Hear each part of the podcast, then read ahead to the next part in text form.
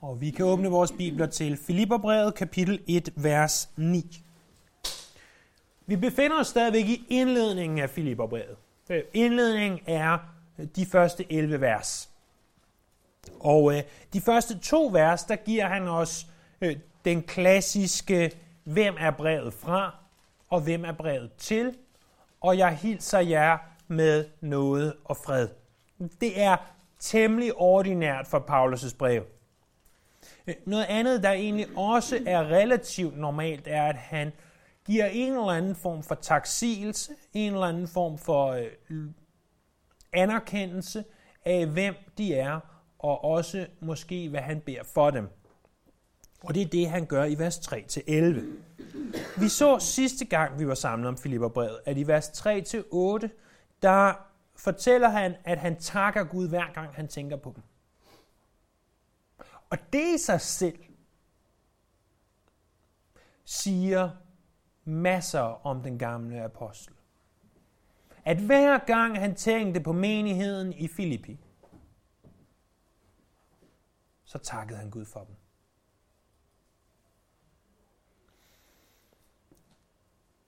Hvorfor og hvad er det så, at han, han beder for dem? Fordi nu har han takket for dem i vers 3-8. Og så her fra vers 9 til 11, der går han i forbøn for. At det er en øh, ganske interessant ting, at han i det hele taget går i forbøn for dem. Fordi kan du huske, hvad situation Paulus befandt sig i? Paulus sad ikke på øh, The Hilton i Rom med øh, tjenere rundt om, så der gjorde, hvad han sagde, og han blot skulle dele lidt drikkepenge ud, så var der styr på alting. Det var ikke der, Paulus var. Paulus sejlede ikke på et, et luksus krydstogsskib rundt i Middelhavet og kommunikerede via satellit rundt til de omkringliggende steder. Paulus sad i husarrest, lænket til en soldat i Rom. Og hans omstændigheder, om end de kunne have været værre, var næppe nogle omstændigheder, som nogen af os vil ønske os at være i. Og når jeg befinder mig i omstændigheder, jeg ikke ønsker at være i, jeg har aldrig rigtig været i husarrest, øh, ikke engang tilnærmelsesvis, øh, sådan, medmindre vi begynder at lave sjov med det, og det skal man nok ikke. Øh, så jeg har aldrig været i husarrest, men jeg har da været i omstændigheder, jeg ikke brød mig om. Og når jeg befandt mig i de omstændigheder, lad os bare kalde det min husarrest, så faldt jeg ikke på mine knæ nødvendigvis og bad for jer. Så bad jeg for den vigtigste person i universet, nemlig mig selv. Er det ikke sådan, vi så ofte gør, at når tingene er sagt på godt dansk, øv, så glemmer vi alle de andre. Og så ser vi på os selv. Og tænker, åh Gud, hvorfor? Hvorfor skal jeg sidde i husarrest i Rom? Hvorfor? Åh, der er så varmt her. Åh, den der soldat, jeg kan ikke holde ud og høre på ham øh, snakke mere. Åh, det er så forfærdeligt at være her. Det var ikke det, Paulus gjorde. Paulus tog en situation, som på mange måder var ganske forfærdelig, og vender den til noget godt. Øh, jeg ved, jeg har delt med jer før, at da Corrie ten Boom, som jo var hende her, hollænderen, der under 2. verdenskrig øh, gemte jøder og røg i koncentrationslejr for det, øh, da hun på sine gamle dage ikke længere kunne rejse rundt i verden, hun kom ud af koncentrationslejren igen, da hun ikke længere kunne rejse rundt i verden, så var hun øh, til sidst endte hun op og var syg og var i det sydlige Kalifornien, der hvor Chuck Smith også var. Og hun siger så til Chuck Smith, at øh, åh, det er så forfærdeligt, jeg kan ingenting her, jeg kan ikke rejse rundt i verden og forkynde evangeliet. Og Chuck Smith minder hende om, jamen der er en ting, du altid kan, Corey. Du kan altid bede. Og uanset hvor fastlåst du måtte være, om du ligger vågen midt om natten og tænker, det her er et fængsel, jeg ligger i min seng, men jeg kan ikke komme ud, så kan du bede. Du sidder i en kø på motorvejen og tænker, åh, jeg spilder min tid. Vælger du ej? For du kan missionere i Kina samtidig med, at du sidder i din bil på motorvejen og venter. Og det var det, Paulus vidste.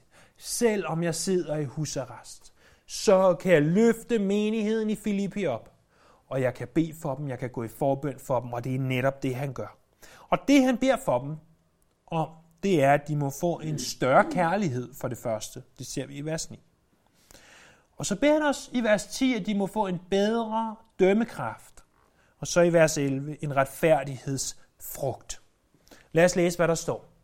Og det beder jeg om, at jeres kærlighed stadig må vokse og blive rig på indsigt og dømmekraft, så I kan skønne, hvad der er væsentligt og være renfærdige og uden anstød på Kristi dag. Fyldt af retfærdighedsfrugt, som skyldes Jesus Kristus, Gud til pris og ære. Så det er jo selvfølgelig ikke, at han rent faktisk beder her, men han nedskriver, hvad det er, han ville bede for dem, og hvad han beder for dem, når han beder. Og det første, han vil bede for dem, det er, at de må få en større kærlighed. Jeg beder om, at jeres kærlighed stadig må vokse og blive rig på indsigt og dømmekraft. For de af os, der måtte have, have læst igennem det nye testamente, tror jeg næppe, det kommer som en overraskelse, at kærlighed er ganske centralt. Specielt ser vi det jo i Paulus' brev til Korintherne, øh, det første brev til Korintherne i det 13. kapitel, hvor han skriver, hvis jeg ikke har kærlighed, så kan det hele være lige meget. Jeg kan være øh, nok så åndelig og svinge med arme og ben og øh, påstå, at jeg kan alle vers i Bibelen udenad, men hvis jeg ikke har kærlighed, det er sådan lettere omskrevet, men hvis jeg ikke har kærlighed, så er det ingenting.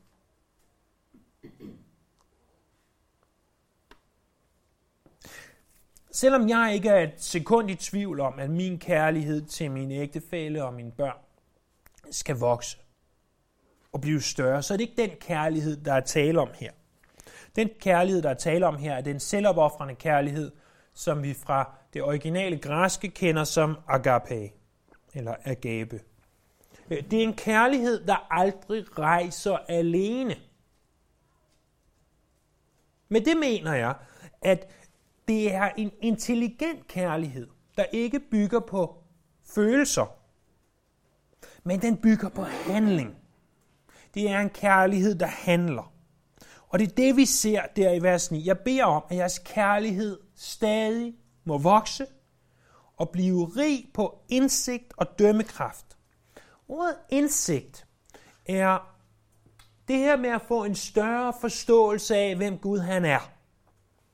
Hvad han har gjort, og hvad han ønsker for dit liv. Det er en indsigt, der har sin oprindelse i dit personlige forhold til ham. Og den kommer bedst, når du bruger tid sammen med ham i bøn og i ord. Vi må nemlig antage, at en større forståelse af, hvem Gud han er, også giver os en større kærlighed til ham. For eksempel, hvis du ved, at Gud har udvalgt dig, før jorden blev grundlagt, og du ser på dit liv og tænker, åh, jeg gør det ikke så godt, men Gud vil mig alligevel, fra før jorden blev grundlagt vil det så ikke få, få dig forhåbentlig til at elske ham mere? Og sådan kunne vi blive ved med at gå rundt og tage masser af forskellige sider og karaktertræk af Gud, og sige, det vi forstår ham bedre, så elsker vi ham forhåbentlig også mere. Det er indsigten. Men der er også tale om dømmekraft. Det er kærlighed med indsigt, men det er også kærlighed med dømmekraft. Fordi det er ikke nok at have indsigt. Det er ikke nok at begynde at forstå mere om Gud. Den her dømmekraft, det handler nemlig om at træffe de rette moralske valg. Baseret på den indsigt, du har opnået gennem ord. Sagt med andre ord. Den kærlighed, som Paulus beder for, for Filipperne, det er, at de må kende Gud mere. Det er en kærlighed, hvor de får et større kendskab til Gud. Men det er også en kærlighed, hvor de tager de rigtige valg, hvor de dømmer rigtigt, hvor de rent faktisk bruger det, de har lært. Og er det ikke det, vi prædiker igen og igen? Vi må ikke blot være ordets hører. Det tror jeg bestemt, vi skal være. Men vi skal også være ordets gøre. Og jeg tror, det er det samme, der siges her, bare på en anden måde. Med indsigt og dømmekraft. Noget andet ganske interessant her i vers 9, det er, at han siger, jeg beder om, at jeres kærlighed må vokse. Men han nævner jo ikke, hvilken kærlighed det er. Er det vores forståelse af Guds kærlighed? Af hvor meget han elsker os? Er det den kærlighed, der skal vokse? Eller er det vores kærlighed til Gud? Eller er det måske vores kærlighed til andre mennesker? Jeg svarer ja. Jeg tror, at, at alt det her kan indkapsles i den kærlighed, der skal vokse. At vi ikke bare kan sige, at vores kærlighed til andre mennesker skal vokse, for det tror jeg, den skal. Eller at vi ikke bare kan sige, at vores kærlighed til Gud skal vokse, for det tror jeg, den skal. Så han siger, kærlighed, den selvopoffrende kærlighed, agape kærlighed, må vokse. Og en sidste ting, jeg gerne vil observere om det her vers, inden vi går videre til det næste, det er, han beder om, at jeres kærlighed, og prøv at bemærke det lille ord, der står der, stadig må vokse. Han løfter ikke en pegefinger og siger, I uelskelige, forfærdelige Filipper, der aldrig elsker. Når han siger, I elsker allerede. Men jeres kærlighed, den kan stadigvæk vokse. Og det taler til mig forhåbentlig lige så meget, som det taler også til dig. At uanset hvor meget kærlighed du har, uanset om dit kærlighedsbarometer, nu taler vi ikke, hvor meget du elsker din familie og dine børn, men din kærlighed til Gud og til andre mennesker i den her selvopoffrende kærlighed, uanset hvor meget det er fyldt, så kan du altid elske mere. Du kan altid få mere kærlighed. Altid få mere kærlighed til Gud, og altid få mere kærlighed til mennesker. Det stopper aldrig. Og det var det, som Paulus vidste. Og derfor, at det var ham som magt på at sige, jeg beder det her for jer. Jeg beder, at I stadig, at I må blive ved med at vokse. At det ikke bare må stoppe den dag, og den uge og den måned, hvor I gav jeres liv til Herren. Nej, nej. At jeres kærlighed må vokse for hver måned, år og ti, der går. At I må elske ham mere, og at I må elske mennesker mere. At når I sidder som gamle mænd og gamle kvinder og ser tilbage hen over jeres liv, så må I kunne se, at kærligheden er vokset. Og det her, det er en bøn, som jeg kan bede for jer, som I kan bede for mig, som vi kan bede for hinanden. At vores kærlighed til Gud og til mennesker, og for den sags skyld vores forståelse af Guds kærlighed til os, at den må vokse. Det andet, han beder om, det er, at de må få en bedre dømmekraft. Der står der i vers 10, at så I kan skønne, hvad der er væsentligt, og være renfærdige og uden anstød på Kristi dag. Ordet dømmekraft fremgår ikke direkte af det her vers, det fremgår af vers 9. Men jeg synes, at ordet øh, indkapsler så ganske godt, hvad vers 10 taler om, at jeg har 20 stjålet ordet fra vers 9 og sat det som en titel over vers 10. At han beder for, at de må få en bedre dømmekraft. Øh, I ordet skønne, som er det ord, der rent faktisk bruges i vers 10, øh, der ligger noget, som, som kræver en lille smule forklaring. At skønne betyder at bedømme ægtheden i noget. Dengang, der øh, bedømte man tit for eksempel mønters ægthed. Og det er jo noget, jeg godt ved, de fleste af os, vi ikke ved ret meget om mere. Vi var i sidste uge i Sverige på skiferie, og der var adskillige af restauranterne, hvor de ikke længere tog kontanter. Vi tager ikke kontanter, stod der på svensk. Jeg tror, det var det, der stod i hvert fald. Øh, vi tager ikke kontanter længere. Vi tager kun kort. Og øh, så er der jo altså ikke meget mere at bedømme ægtheden af en mønt længere. Men til gengæld den anden morgen, da jeg vågnede, så havde jeg fået en messengerbesked fra Grete. Måske nogle andre også fået den messengerbesked. Hvor der stod, hej Daniel, og så var der et link til en YouTube-video. det, er, det er ikke sådan meget tit, jeg får messengerbeskeder fra Grete, vil jeg sige, og kigger på den der ting. Det, det, det ser altså lidt mærkeligt ud. Og jeg slår så op på Facebook og kan se, at hun har skrevet, hvis I modtager videoer fra mig, så er det ikke ægte, så er det ikke noget, jeg selv har sendt ud. Det er en virus. Det er godt, jeg ikke klikkede på den. Godt, jeg begyndte at bedømme ægtheden af den besked, jeg havde fået. Og det kender vi formodentlig alle sammen, at vi får e-mails øh, næsten dagligt, hvor vi vinder 100 af millioner af euro og alt muligt andet godt. Øhm. Og vi, vi må bedømme ægtheden deraf. Og, og det er det, som han siger. I kan, I kan bedømme ægtheden af. I kan bedømme, om det her er noget, der er rigtigt, eller om det er noget, der er forkert. Det næste, han siger, det er, det I skal så bedømme ægtheden af, om det er rigtigt. Det I skal skønne, det I skal studere og undersøge. Det er det, der er væsentligt. Og selvom det måske er en lille smule, kræver en lille smule forklaring at forstå ordet at skønne, så det at forstå, hvad der er væsentligt, burde øjeblikkeligt resonere med hver af os. At vi burde øjeblikkeligt sige, åh, oh, væsentligt, det er noget, der er vigtigt, det her. Det er et sted, hvor jeg bør fokusere, hvor at hvis jeg sov tidligere under prædiken, så bør jeg nu vågne op. For hvem af os ønsker at spille vores liv? Hvem af os ønsker at se tilbage på vores liv, øh, når vi engang øh, sidder øh, i slutningen af det og sige, ej, hvor fik jeg siddet meget på sofaen igennem mit liv. Det var godt nok dejligt at sidde der og stoppe chips ind i hovedet og blive større og større og, og se fuldstændig ligegyldige ting i fjernsynet. Ja, det kan være dejligt. Men vi ved godt, at det ikke er der, vi bruger vores liv bedst. Hvad der er væsentligt, selvom det er noget, der forhåbentlig med det samme resonerer med hver af os. Og, og så lad os alligevel lige se på, hvad det betyder, fordi ordet væsentligt her øh, er et specifikt græsk ord, som kan oversættes både som noget, der er nødvendigt, og noget, der er fremragende. I skal skønne det, der er nødvendigt, I skal skønne det, der er fremragende. Og jeg tror, det er derfor, at man som danske oversætter af det her har valgt at sige, vi oversætter det med ordet væsentligt. Fordi ordet væsentligt kan nemlig defineres som noget, som udgør eller vedrører en tings inderste og egentlige væsen, og som derfor er yderst vigtigt. Og så nogle citater, jeg har nogle gange lidt svært ved at læse dem op, fordi jeg ved godt, at lige så snart jeg har læst, som udgør og vedrører, så kører vores tanker.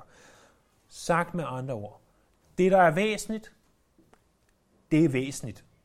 Det kan vi godt forstå. Ikke? Øh, men lad os opsummere det sådan her. Paulus beder om, at de må kunne skelne imellem det, der har betydning, og det, der ikke har betydning. Prøv lige en gang at bladre en enkelt side i jeres bibler over til kapitel 4, vers 8. Og det er jo naturligvis noget, vi vender tilbage til, når vi når til kapitel 4, vers 8. Men han skriver sådan her.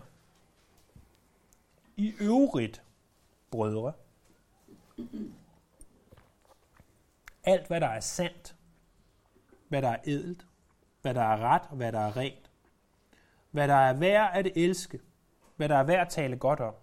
Kort sagt, det gode og det rosværdige,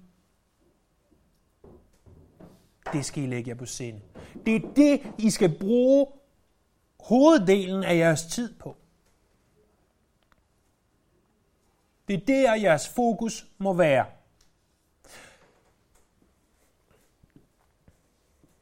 Jeg tror, det vil være sundt for hver og en af os at stoppe op og sige, bruger jeg mit liv på det væsentlige? Bruger jeg mit liv på det, som er vigtigt, på det, som betyder noget? Bruger jeg mit liv på først og fremmest naturligvis Gud, på hans rige, men også på vores familier, på de mennesker, som er omkring os, og som vi elsker, og som Gud har givet os at elske? Er det der, jeg fokuserer min tid? Hvad er det, der er vigtigst i det her liv? Brug tiden der.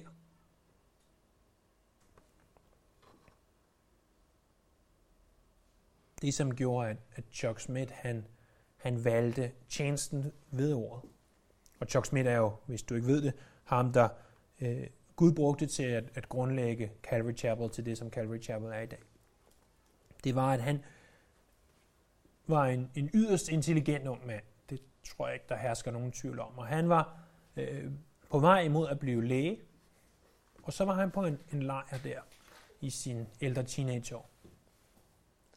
Og han øh, hørte en af prædikanterne sige, at du har kun ét liv, og det er snart forbi. Kun hvad du gør for Jesus, det vil forblive. Og det er det, som det her taler om. Brug jeres liv. Brug vores liv på det, som betyder noget. Lad os dog lade være med at spille vores dage. Lad os lade være med at spille vores tid.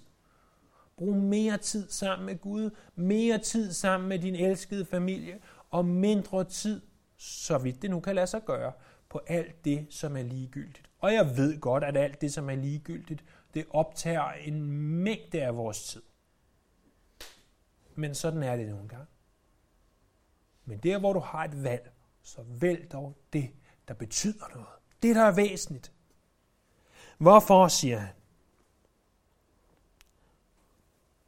Han siger, så I kan være renfærdige og uden anstød på Kristi dag. Jeg ved ikke, om nogen lige har en ordbogsdefinition af renfærdige, sådan lige de kan hive ud af ærmet.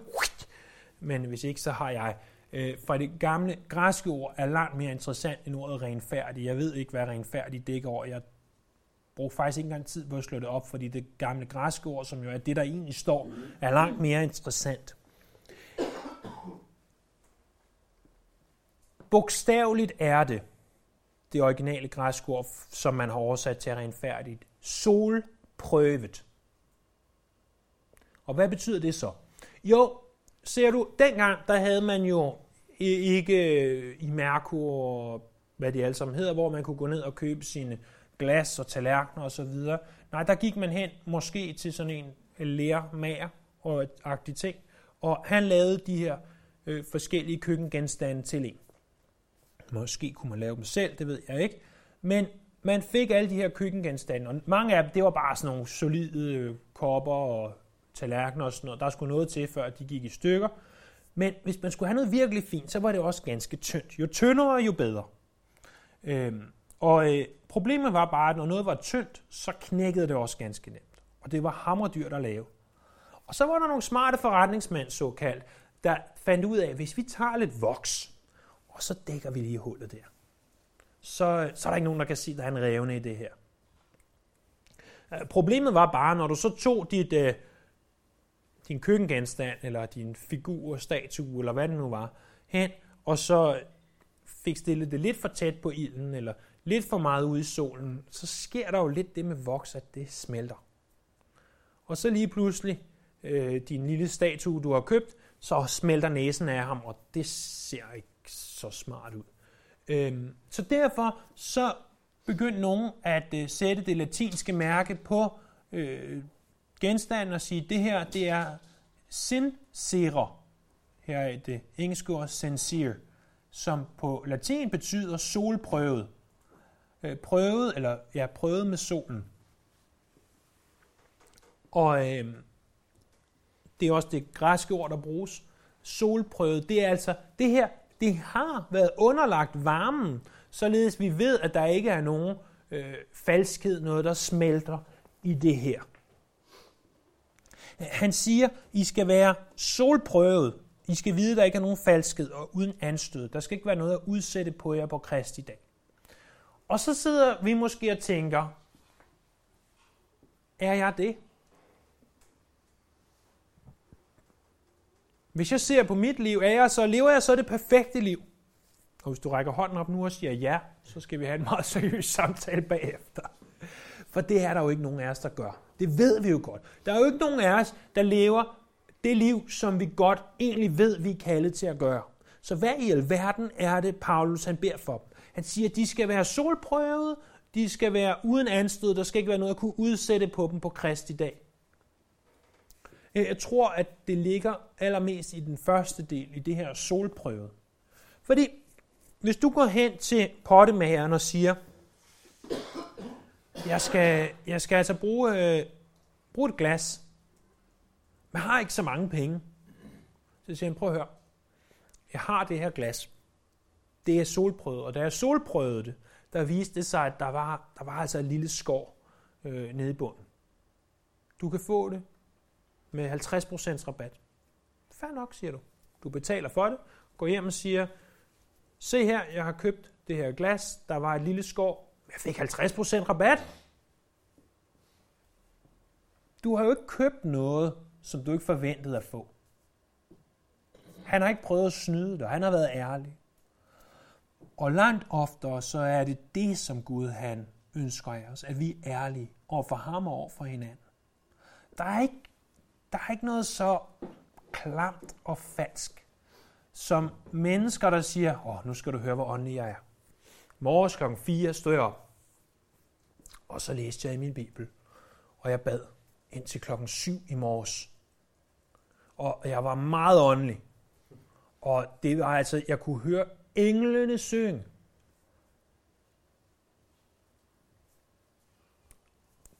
Hvis det er sandt, så Gud velsigne dig for det. Men, men hvis det du mener var, at du stod ud af din seng i søvne og gik ned og fandt din bibel og faldt i søvn på stolen, øh, eller i, i stolen, og øh, det du hørte var ikke engle, men din øh, alarm, der vækkede dig derhen ved syvtiden, så er det en helt anden snak. Vær dog ærlig. Vær dog ærlig og sig, prøv at høre, venner. Prøv at høre, Gud. Jeg har svært ved at få læst i min bibel. Jeg har svært ved at bede. Jeg har svært ved at elske så og så. Vil du ikke nok hjælpe mig med det?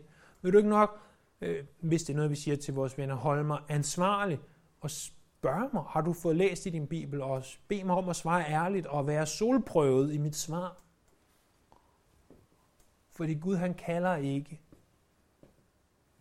perfekte mennesker til at være perfekte. Han kalder ufuldkommende, uperfekte, hvis det var et ord, mennesker til at være ærlige. Og så skal han nok arbejde i os. Så skal han nok gøre sådan, at vi står uden anstød på Kristi dag. Den dag Jesus kommer igen. Fordi det er ham, der arbejder i os. Ikke at vi er fuldkommende på den dag, men han ser os som fuldkommende. Og et eller andet sted, så opsummerer alt det her jo, hvad noget er. N-O-D-E, ikke en O-G-E-T. Noget. At det handler ikke om, hvad du kan gøre, men hvad han kan gøre for dig, hvis du blot beder ham om det. Den sidste ting, som Paulus beder for, det er en retfærdighedsfrugt. Fyldt af retfærdighedsfrugt, som skyldes Jesus Kristus Gud til pris og ære. Fordi det handler jo ikke bare om, hvordan vores liv er på Kristi Jesu dag. Det handler også om, hvordan vores liv er nu. Som du måske ved, så er vi jo ambassadører. Jesu Kristi ambassadører. Vi er hans udsendinge. Vi er mennesker, hvorpå folk de ser. Og så tænker de og vurderer. Kan jeg lide det her land? himlen. Når jeg studerer det her menneskes opførsel. Og det gør folk. Det gik i sandhed op for mig, da Jehovas vidner invaderede mit hus, invaderede mit hus temmelig ufrivilligt fra min side, øh, da jeg havde bedt nogle mennesker om at istandsætte det, og det er så en uges tid efter, at de var gået i gang, viste sig, at de alle sammen var Jehovas vidner. Og så tænkte jeg, nu skal jeg studere de her mennesker og se, om de lever op til alt, hvad de siger. Det gjorde de overhovedet ikke. Og de studerede garanteret også mig og tænkte, ham der, kristen, det tror jeg ikke på. Øh, og, og det gør vi. Og, og det gik op for mig, hvis jeg ser så meget på dem og tænker, nu skal jeg, nu skal jeg se hvert fejltrin, de laver. Ikke nødvendigvis håndværksmæssigt, for det har jeg ingen forstand på, men hvad de siger og gjorde. Og observerer og siger, åh ja, der tror de lige lidt ved siden af der. Tror ikke også andre gør det ved os? At når vi lever vores liv, og vi ved godt, vi ikke er fuldkommende, men hold da op en øjne åbner for mig, i hvor vigtigt det er dagligt at bede Herren om hjælp til at leve et liv, hvor jeg er en god ambassadør for ham. Hvor jeg repræsenterer ham på den rigtige måde. Det her ord retfærdighedsfrugt, det kommer tilbage fra det gamle testamente, fra ordsprogene kapitel 11, vers 30. Her står der, den retfærdiges frugt er livets træ, og den vise vinder mennesker for sig. Den retfærdiges frugt, det er ligesom et livets træ. Hvis du har frugt i dit liv af retfærdighed, så er det ligesom at have et træ, der giver liv til andre. Fordi hvis du lever et retfærdigt liv, så kan det give liv til din omverden. Så kan det gøre, at andre mennesker de giver deres liv til Herren. Jesus taler også om, at vi må bære frugt. Der i Johannes kapitel 15, han siger, den som bliver i mig, han bærer frugt.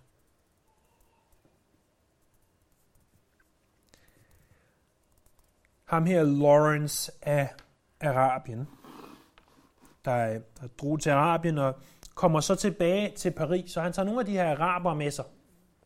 Og de kommer til Paris, og han, ja, han vil så gerne vise dem rundt i Paris. Så han viser dem nogle af alle de, de store attraktioner, de har der.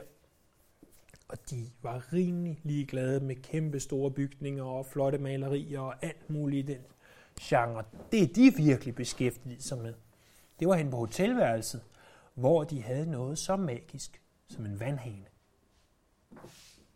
Jeg er ikke sikker på, hvad år det her var, og jeg er ikke engang sikker på, at historien er sand, men illustrationen er god. De havde en vandhane, og de tænkte, de åbnede den, og der kom vand ud. Og de lukkede den, og vandet stoppede. Og de åbnede den igen, og vandet kom ud, og de lukkede den igen, og vandet stoppede. Det der, det er magisk. Og øhm, så skulle de til at tilbage til Arabien. Og Lawrence, han ser dem så, ikke om det direkte var et koben, men et eller andet, står de og forsøger at tage vandhanen af. De siger, hvad i alverden laver I? må ikke tage vandhanen af. Jo, jo, jo, jo, jo. Du husker vel nok, hvor tørt der var i Arabien. Vi har da behov for sådan en vandhane i Arabien, hvor vi bare kan åbne, og så kommer der vand ud. Og I trækker på smilebåndet, som jeg trækker på smilebåndet, for vi ved jo godt, hvor tåbeligt det er. Men han måtte så forklare dem og sige, prøv at høre, hvis den vandhane ikke er tilsluttet til vandledningerne, til vandværket, og der hvor vandværket får sit vand fra, så kommer der ikke vand ud af den. Hvis du ikke er tilsluttet til Jesus, så kommer der ingen frugt. Så kommer der ingen retfærdighedsfrugt.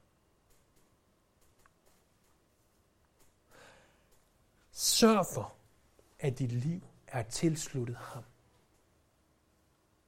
Må han være kilden til vores retfærdigheds frugt. Når Paulus han beder for menigheden i Filippi, så beder han om, at deres kærlighed må vokse, at deres dømmekraft må blive bedre, således de kan skælne, hvad der betyder noget, og at de må leve liv, hvor de er gode ambassadører for Herren Jesus Kristus. Hvorfor? Så at Gud kan få al pris og ære.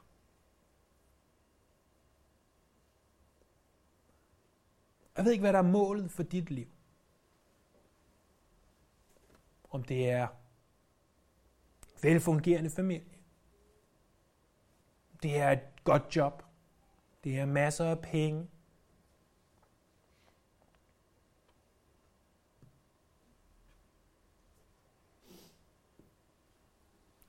Men hvis jeg kan komme med en opfordring til dig, så sæt en ting over alt det. At Gud må få æren.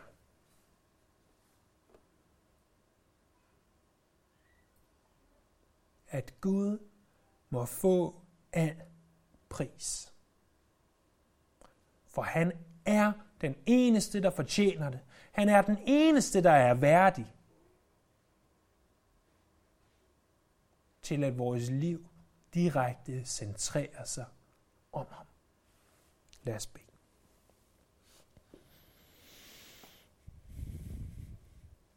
Her, når vi læser om, hvad Paulus bad for, så føler jeg mig i hvert fald ganske utilstrækkelig. Og jeg beder, at du vil lære os at bede.